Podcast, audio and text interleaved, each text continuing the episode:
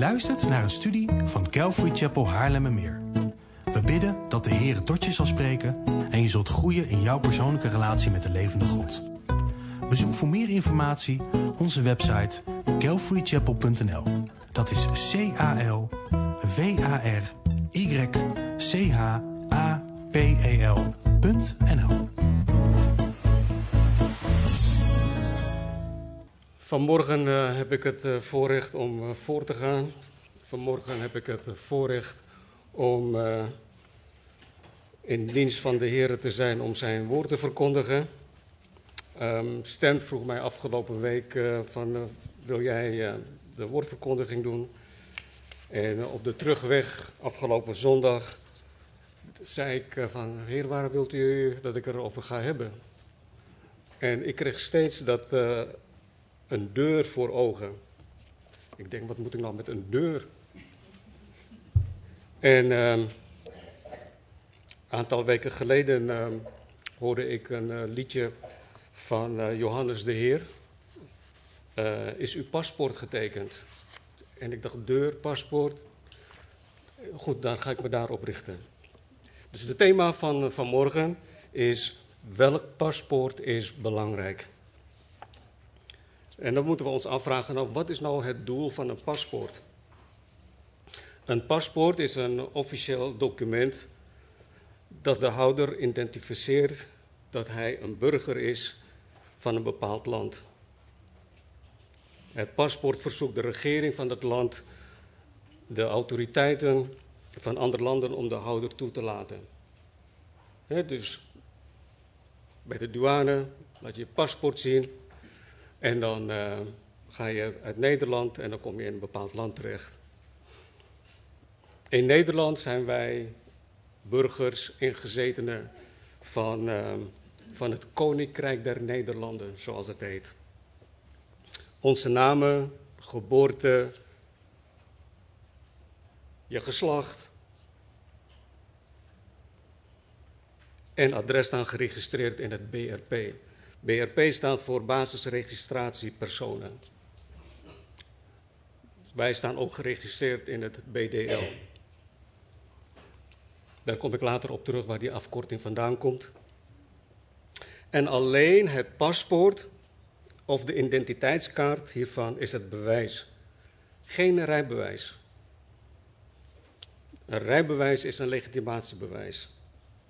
In mijn functie bij onder andere de gemeente Oude IJsselstreek heb ik te maken met paspoorten, met ID-documenten en met vreemdelingendocumenten. Want het is nodig wanneer iemand een uh, aanvraag doet voor een uh, bijstandsuitkering of een ander soort vorm van, uh, van dienstverlening, moet hij of zij verplicht zich te laten identificeren.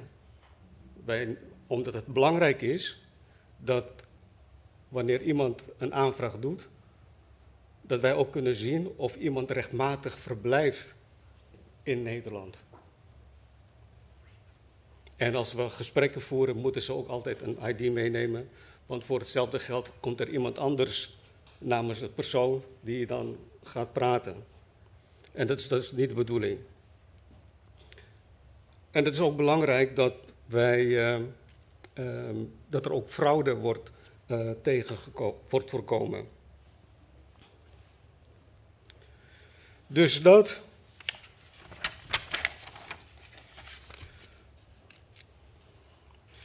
En wat gebeurt er als iemand zijn identiteitsbewijs uh, niet kan laten zien?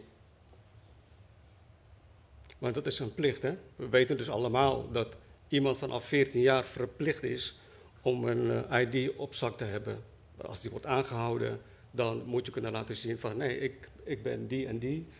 En, uh,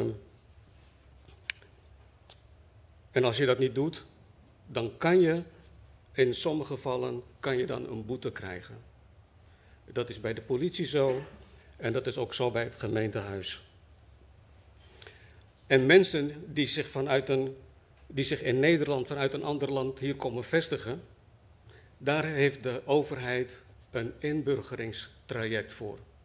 Ik weet niet of u dat bekend bent, maar met ingang van 1 januari 2022 is er een nieuwe uh, wet inburgering van toepassing. En het is belangrijk dat het taalniveau daarin de hoogste prioriteit krijgt. En waarom is dat zo belangrijk? Omdat wanneer iemand een voorziening aanvraagt bij de gemeente, het zij van welke aard dan ook, en ook een bijstandsuitkering, dan is men verplicht om die cursus te volgen. Dat inburgeringstraject. En mensen krijgen daar de tijd voor om zich de taal eigen te maken. En wat is nou het doel ervan? Dat mensen de taal zich eigen maken, is dat ze moeten participeren in de maatschappij. Dat wil niet zeggen dat ze aan het werk moeten. Het kan zijn dat ze vrijwilligerswerk doen. Het kan zijn dat ze uh, telefonische gesprekken voeren. Men moet participeren. Dat is het doel van het hele nieuwe inburgingstraject. En als men de taal, de Nederlandse taal, zeg maar, niet beheerst, of men voldoet niet aan de eisen, doordat men geen zin heeft om zo'n traject te volgen, dan kan men, in, in het geval wanneer je een bijstandsuitkering krijgt, kan je daar worden gekort. Dus een sanctie wordt gelegd. En nu, als gemeente van de Heer Jezus Christus, zijn wij uit het koninkrijk der duisternis nu gevestigd in het koninkrijk van de Zoon van zijn liefde. Colossensen, hoofdstuk 1, vers 13. Hij heeft ons gered uit de macht van de duisternis en overgezet in het koninkrijk van de Zoon van zijn liefde. Ook wij moeten een bijbelse inburgingstraject doorlopen, waardoor wij ook de taal van de Bijbel gaan begrijpen en ook daarna zullen gaan leven. In Colossensen hoofdstuk 1 vers 9 zegt Paulus daarom, daarom houden ook wij niet op vanaf de dag dat wij het gehoord hebben voor u te bidden en te smeken dat u vervuld mag worden met de kennis van zijn wil in alle wijsheid en geestelijk inzicht. De schrijver van de Hebreeënbrief, hoofdstuk 5, zegt over het volgende. Over hem hebben wij veel dingen te zeggen die moeilijk zijn om uit te leggen, omdat u traag geworden bent in het horen. Dus net wat ik al zei, dat inburgerstraject, de taal moeten wij gaan beheersen, kennen. Maar hier zegt de schrijver aan de Hebreeërs, u bent traag geworden in het horen. En we hebben ook, ik heb u uitgelegd dat wanneer iemand het inburgerstraject niet voldoet, dat die korting kan krijgen op zijn uitkering. Gelukkig hebben wij in het Koninkrijk van zijn liefde, hebben we daar dus niet mee te maken. Maar het is wel dat wij geworteld moeten zijn in het woord van God.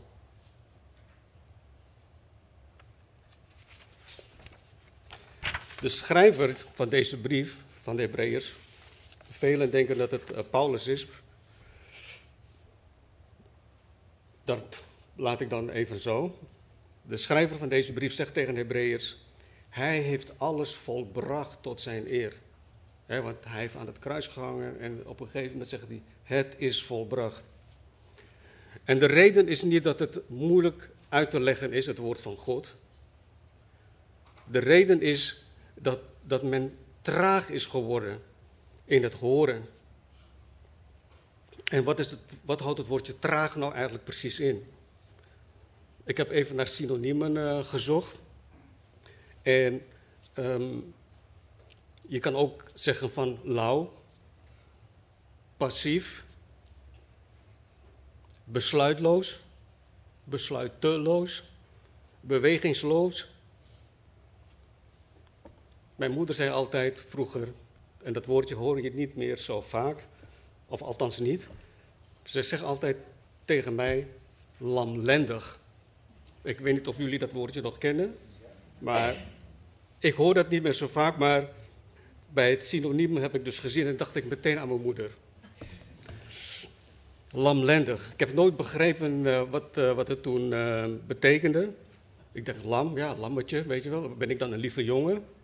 Blijkbaar dus niet. Nu weet ik wat het is. Maar goed. En waarom, waarom zijn we traag geworden eigenlijk? Waarom, wat, wat is daarvan de reden?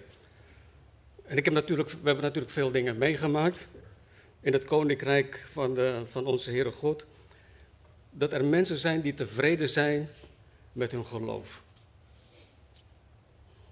Geen verlangen om verder geestelijk te groeien. We wachten gewoon totdat Hij komt. En er is zelfs een beweging dat dopen dat niet meer nodig is. Dat is niet meer nodig. Trouwen is ook niet meer nodig. Ze houden zich alleen maar vast aan een bepaalde gedeelte van de Bijbel. En intussen lekker genieten, denken, denkt men, van de zegeningen die God hen geeft. Geen stress. Kennen we dat, stress? Mensen zeggen ook vaak, ja, ja maar ik heb het druk. zeg ik, nee hoor, ik, ik, ik heb het nooit druk. Ik heb wel veel te doen, maar, maar druk heb ik niet.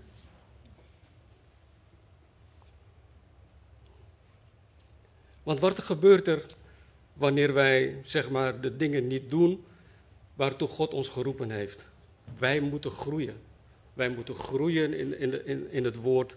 Wij moeten groeien in reinheid, in heiligheid. Geen stress.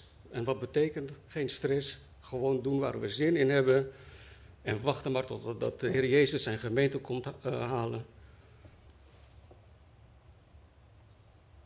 Het kan zijn dat op een gegeven moment dat de geest wordt geblust.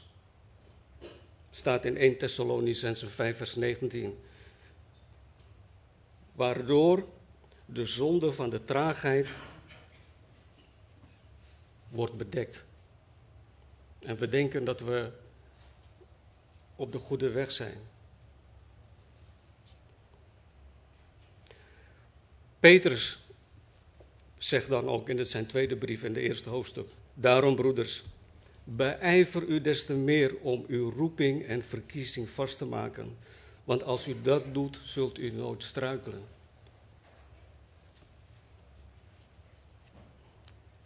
En weer even terug naar de Hebreeën hoofdstuk 5. Zegt de schrijver hier, want hoewel u, gelet op de tijd, leraars zou moeten zijn hebt u weer iemand nodig die u onderwijst in de grondbeginselen van de woorden van God. U bent geworden als mensen die melk nodig hebben en niet vast voedsel. Wauw, dat is best wel uh, een wake-up call als je dit zo gaat lezen. Dus nogmaals, het Bijbelse taalniveau moet naar een hoger niveau gebracht worden. En dat is ook wat wij ook als gemeente doen. Wij volharden in de leer van de apostelen. Wij volharden in de gemeenschap. Wij volharden in het breken van het brood. En wij volharden in de gebeden.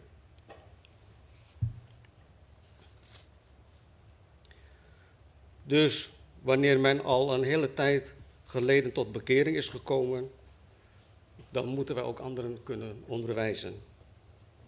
De context hiervan. De Korinthe was ook een gemeente die veel dingen, eh, waarom veel dingen te zeggen is. Paulus zegt dan hier in hoofdstuk 3 van de eerste brief. En ik, broeders, kon tot u niet spreken als tot mensen die geestelijk zijn, maar als tot mensen die nog vleeselijk zijn, als tot jonge kinderen in Christus. Ik heb u met melk gevoed en niet met vast voedsel, want u kon dat nog niet verdragen. Ja, u kunt dat ook nu nog niet, want u bent nog vleeselijk. Tot zover het Bijbelse inburgeringstraject.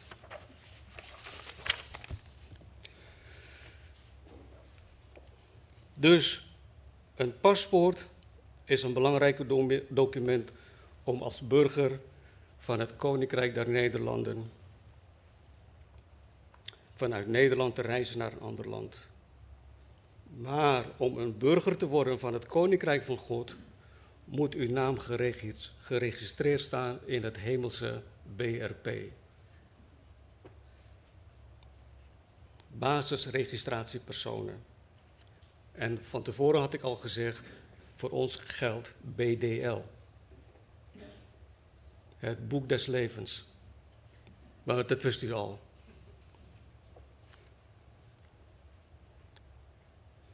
Dan hebben we recht op een hemels paspoort. Openbaring hoofdstuk 3, vers 5. Wie overwint, zal bekleed worden met witte kleren, en ik zal zijn naam beslist niet uitwissen uit het boek des levens, maar ik zal zijn naam beleiden voor mijn Vader en voor zijn engelen. Wauw, man. Ik zie er naar uit. Niet omdat ik levensmoe ben, maar ik zou nog graag door willen gaan om, het, om mensen te vertellen over de Heer Jezus Christus. Hij is de weg, de waarheid en het leven. En niemand komt tot de Vader dan door Hem.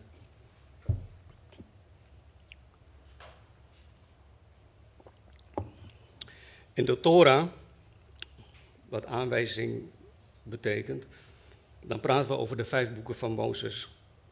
En we gaan een stukje lezen uit het boek Exodus, onder welke voorwaarden Israël het land kon verlaten.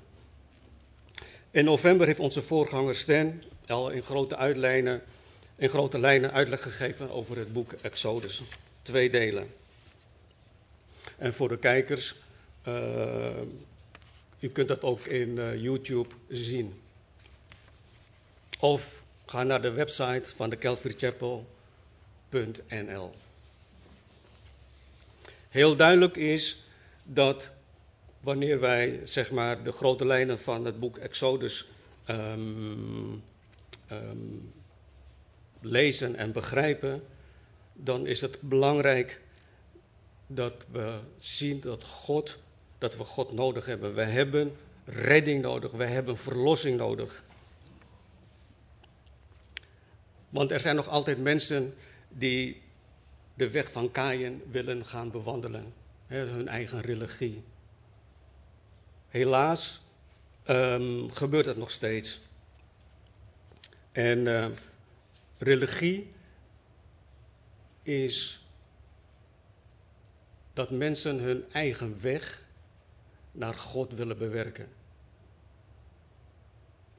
Maar wat is nou ware godsdienst? Ware godsdienst is dat God het initiatief genomen heeft. En naar mij en naar ons is gekomen om ons te redden. Onze eigen inspanning, dat lukt niet. Wij hebben een redder nodig. En de enige redder, zonder pillen, zonder abonnement kosten, is de Heer Jezus Christus.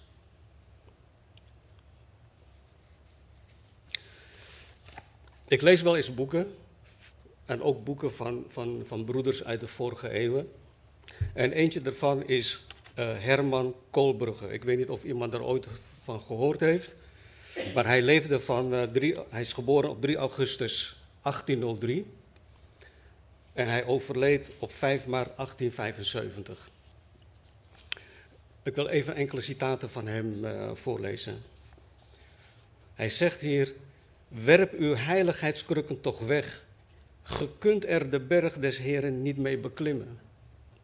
Halleluja. Nog eentje. Laat God vrij in hetgeen hij doet. En dan met een uitroepteken. Hè? Dus eigenlijk moet je zo op de tafel slaan. Laat God vrij in hetgeen hij doet. Pakt u het woord niet, zo pakt u de duivel. Hallo?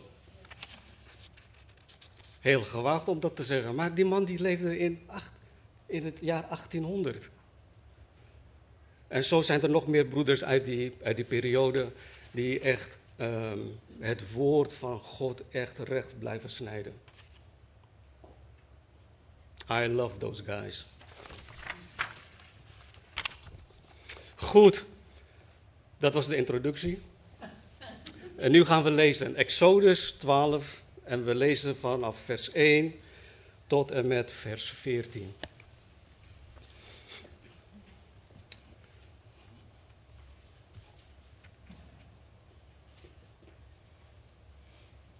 Ja, van nou ja, ik geef de mensen nu even de tijd om rustig op te zoeken. Ze vonden me altijd een beetje te snel.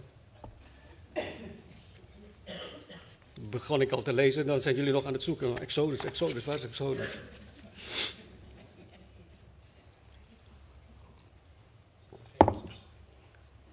Ja.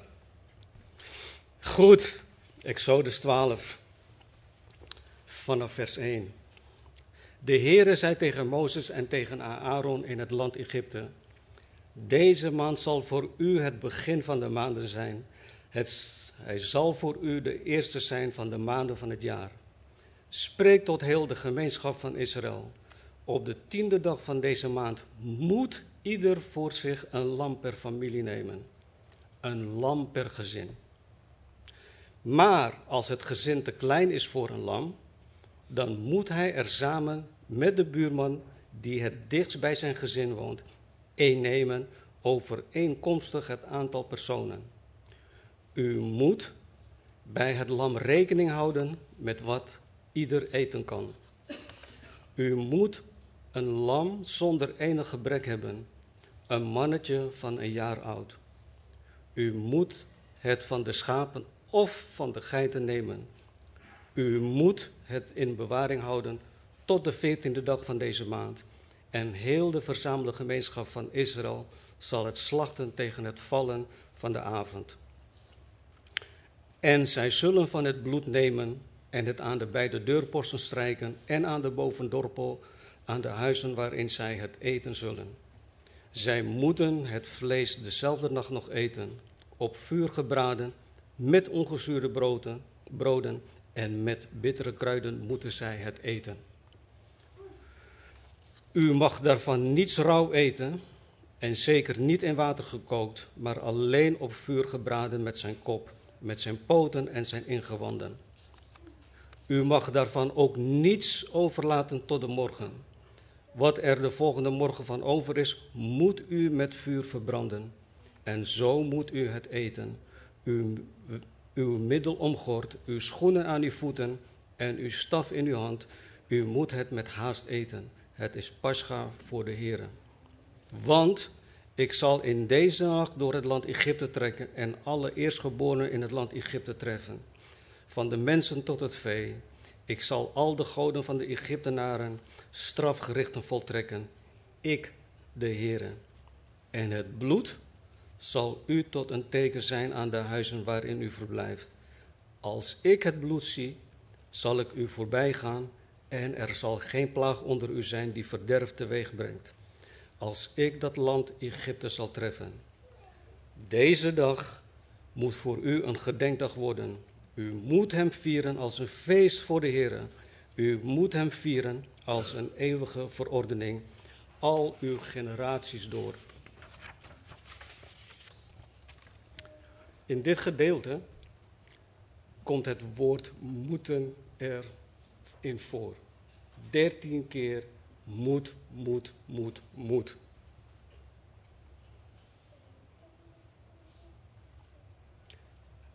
God is God. Hij is de schepper. Hij is onze raadsman. Hij is onze vredevorst.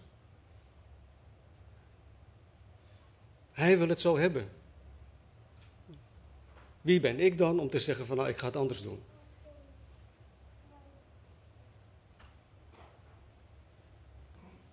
Hij zegt ook in vers 6, wordt er gezegd, u moet het in bewaring houden tot de veertiende dag van deze maand.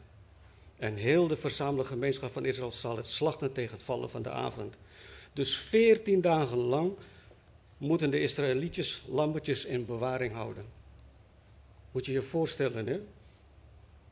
Hoeveel mensen dan vertrekken vanuit Egypte naar uh, Israël.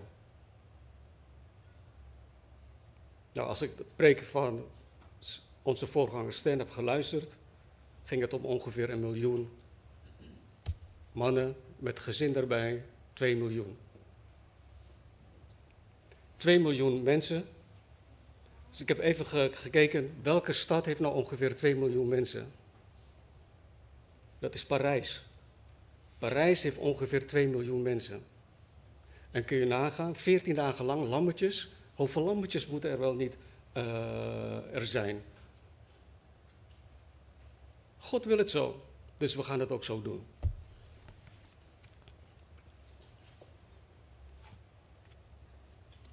Het bloed moest aan beide deurposten worden gestreken en aan de bovendorpel. Zodat de engel des doods, wanneer hij dat ziet, dan gaat hij langs de huizen voorbij. En die mensen die dat niet hebben, de eerstgeborenen, zullen gedood worden. Dan kunnen we wel zeggen, goh, is dat nou een God van liefde? Ja? Mensen hebben altijd de keuze om naar God toe te gaan. Persoonlijk zie ik het zo, in computertaal gesproken. We hebben allemaal een ingebouwde chip van God gekregen, waarin we weten dat er een schepper is. Paulus schrijft daarover ook in de Romeinenbrief. Men kon aan de schepping zien dat er een schepper is. Als je daar meer wilt over wilt weten, dan kan je de preek luisteren van, van onze broeder Casper, die, al, bezig, nog, nog bezig is met, het, met de uitleg van de Romeinenbrief.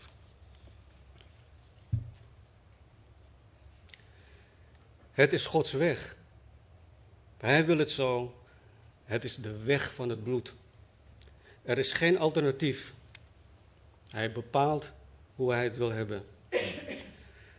Dus in dit gedeelte zien we het type beeld van de Heer Jezus Christus.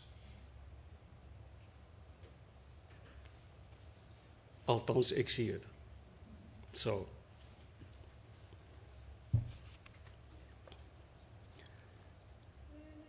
De schrijver van de, de Hebreeënbrief zegt in hoofdstuk 9, vers 22. En bijna alles wordt volgens de wet door bloed gereinigd. En zonder het vergieten van bloed vindt er geen vergeving plaats. Dan kunnen we, mensen kunnen wel denken, goh, wat een bloederig God is het. Maar het is juist wel nodig. Wij mensen, wij, wij kunnen niet volbrengen wat God van ons vraagt. We hebben daar hulp bij nodig. En daarom is de Heer Jezus naar deze aarde toegekomen. Voor ons. Om de mens te redden. Opdat wij weer verzoend zouden worden met de Almachtige God.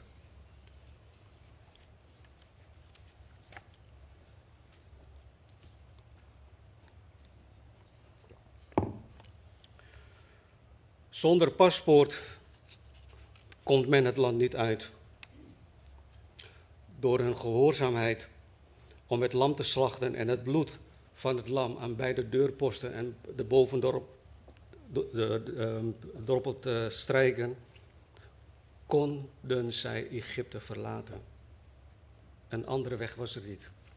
Dit was de weg.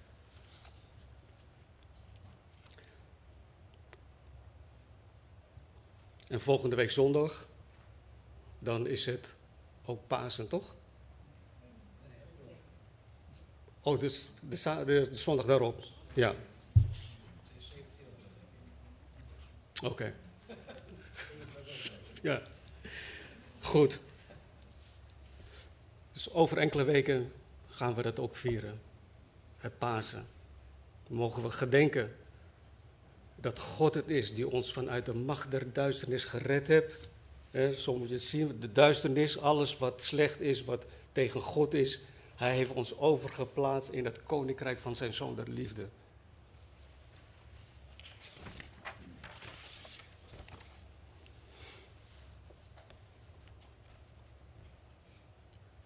En zo vaak lezen we in de Bijbel.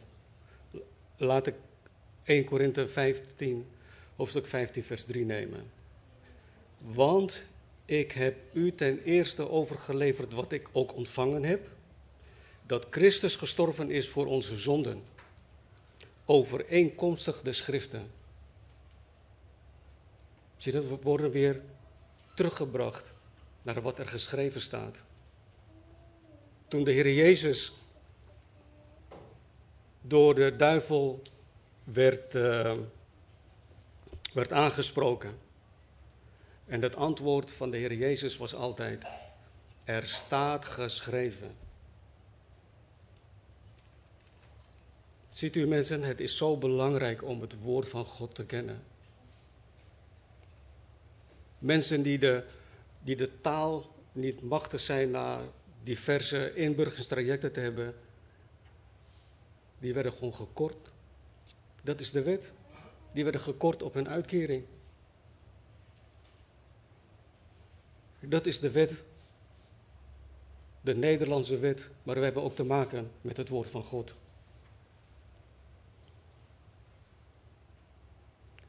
Johannes hoofdstuk 1 vers 29 staat geschreven. De, de, volgende dag zag Johannes Jezus naar zich toe komen en hij zei: Zie het lam van God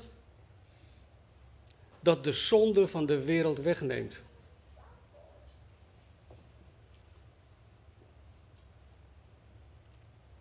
Zonder bloed van het lam blijft men een slaaf van de zonde. Paulus schrijft aan de Colossense, hoofdstuk 3, lees ik dan, vers 3. Want u bent gestorven en uw leven is met Christus verborgen in God. Mensen die zonder Christus sterven, jullie hebben niets meer aan de aardse paspoort. En soms is het heel triest om te zeggen, maar het is de waarheid. En God wil dat wij de waarheid spreken.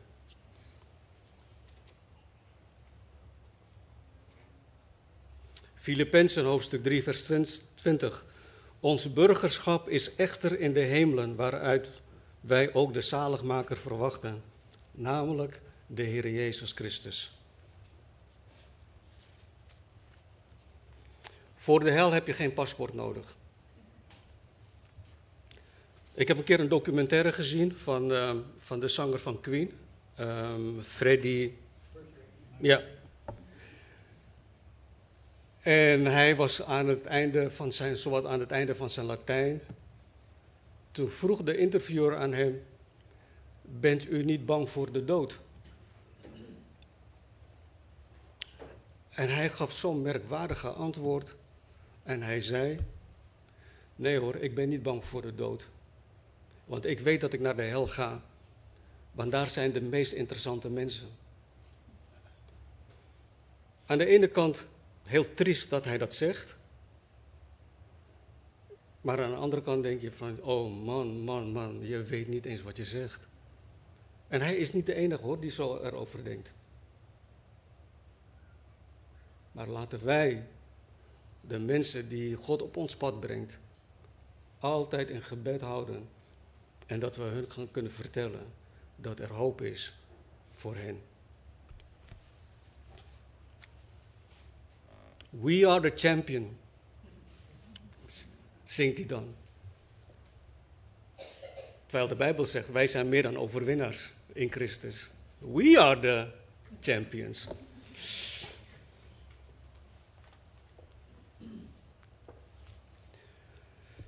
Openbaring, hoofdstuk 22, vers 12. En zie, Ik kom spoedig en mijn loon is bij mij om aan ieder te vergelden zoals zijn werk zal zijn. Ik ben de Alpha en de Omega, het begin en het einde, de eerste en de laatste. Zalig zijn zij die zijn geboden doen, zodat zij recht mogen hebben op de boom des levens en opdat zij door de poorten de stad mogen binnengaan.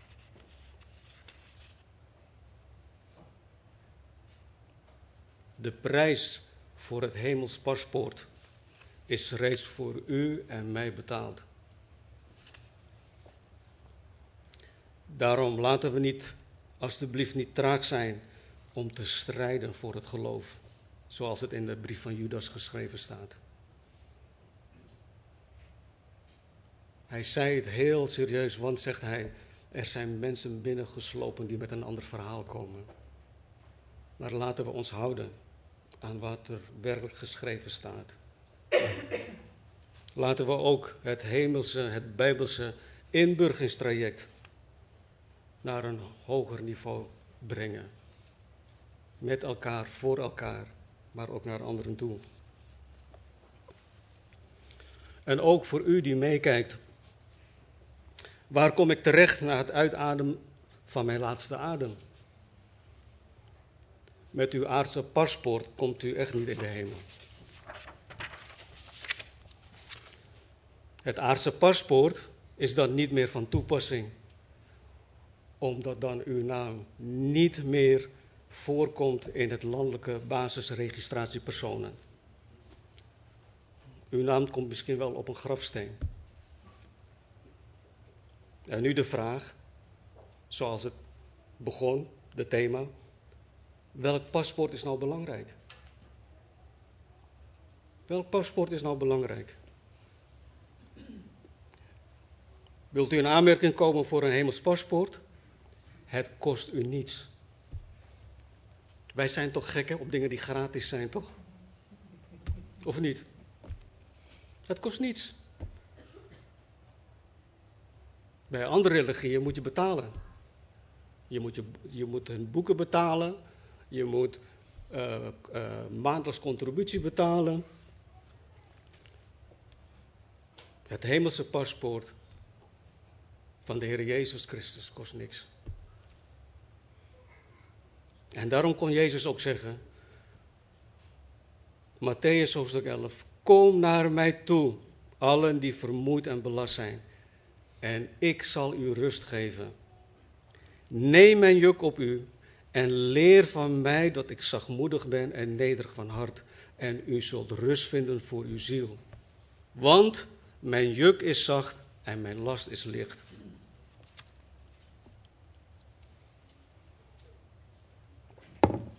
En we weten dat er in deze wereld nu veel mensen zijn die vermoeid en belast zijn.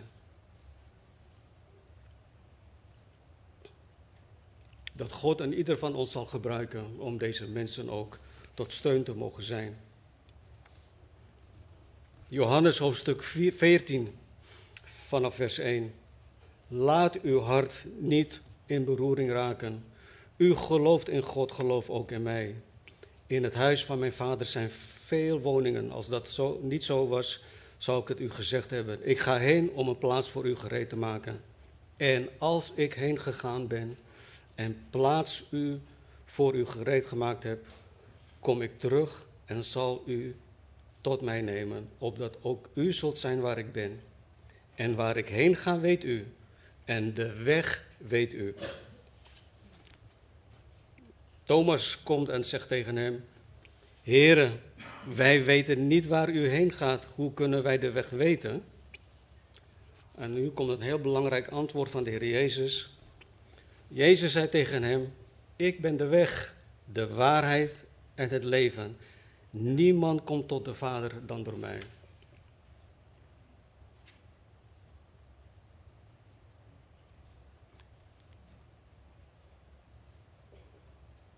Hij zegt, ik zal u rust geven.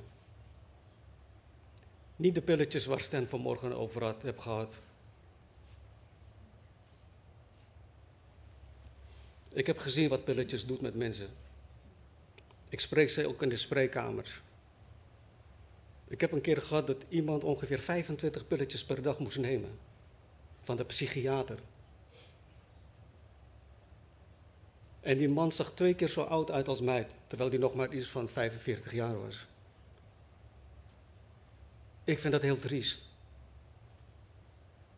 Weet je, in, mijn hart uh, huil ik dan en denk ik van, ja heer, hoe kan ik, hoe kan ik praten over u met hem?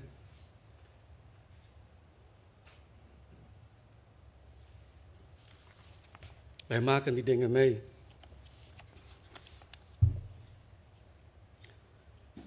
Maar de weg die we moeten gaan voor een hemels paspoort, lieve mensen, is de weg van bekering. Bekeer u en laat ieder van u gedoopt worden in de naam van Jezus Christus, tot vergeving van de zonden en u zult de gave van de Heilige Geest ontvangen. Dit is de weg die men moet bewandelen. Dan heeft u recht op een hemels paspoort. Nogmaals, het kost u niets. En mocht u nog vragen hebben, wij zullen u graag te woord staan. En voor de mensen die kijken, u kunt naar de calvarychapel.nl gaan en kunt u um, uw vraag daar neerzetten en u krijgt gegarandeerd een antwoord van ons. Het kost u ook niets. Dit is het verhaal van de paspoort, lieve mensen. En we gaan ook een lied hierover zingen. Van, uh, dat komt uit de zangbundel van Johannes de Heer. Ik weet niet of mensen dat wel kennen wie Johannes de Heer is. Deze man leefde in het jaar 1800. Of uh, is hij geboren en uh, overleden in ergens in 1900 zoveel. Maar hij was al heel vroeg bezig met, um, met, met de profetieën, met de terugkomst van, van, van de Heer Jezus. En het lied heet, is uw paspoort getekend, o mens? En dat gaan we zingen. Dan ga ik weg naar mijn plaats en daarna neemt, na het zingen neemt André het over.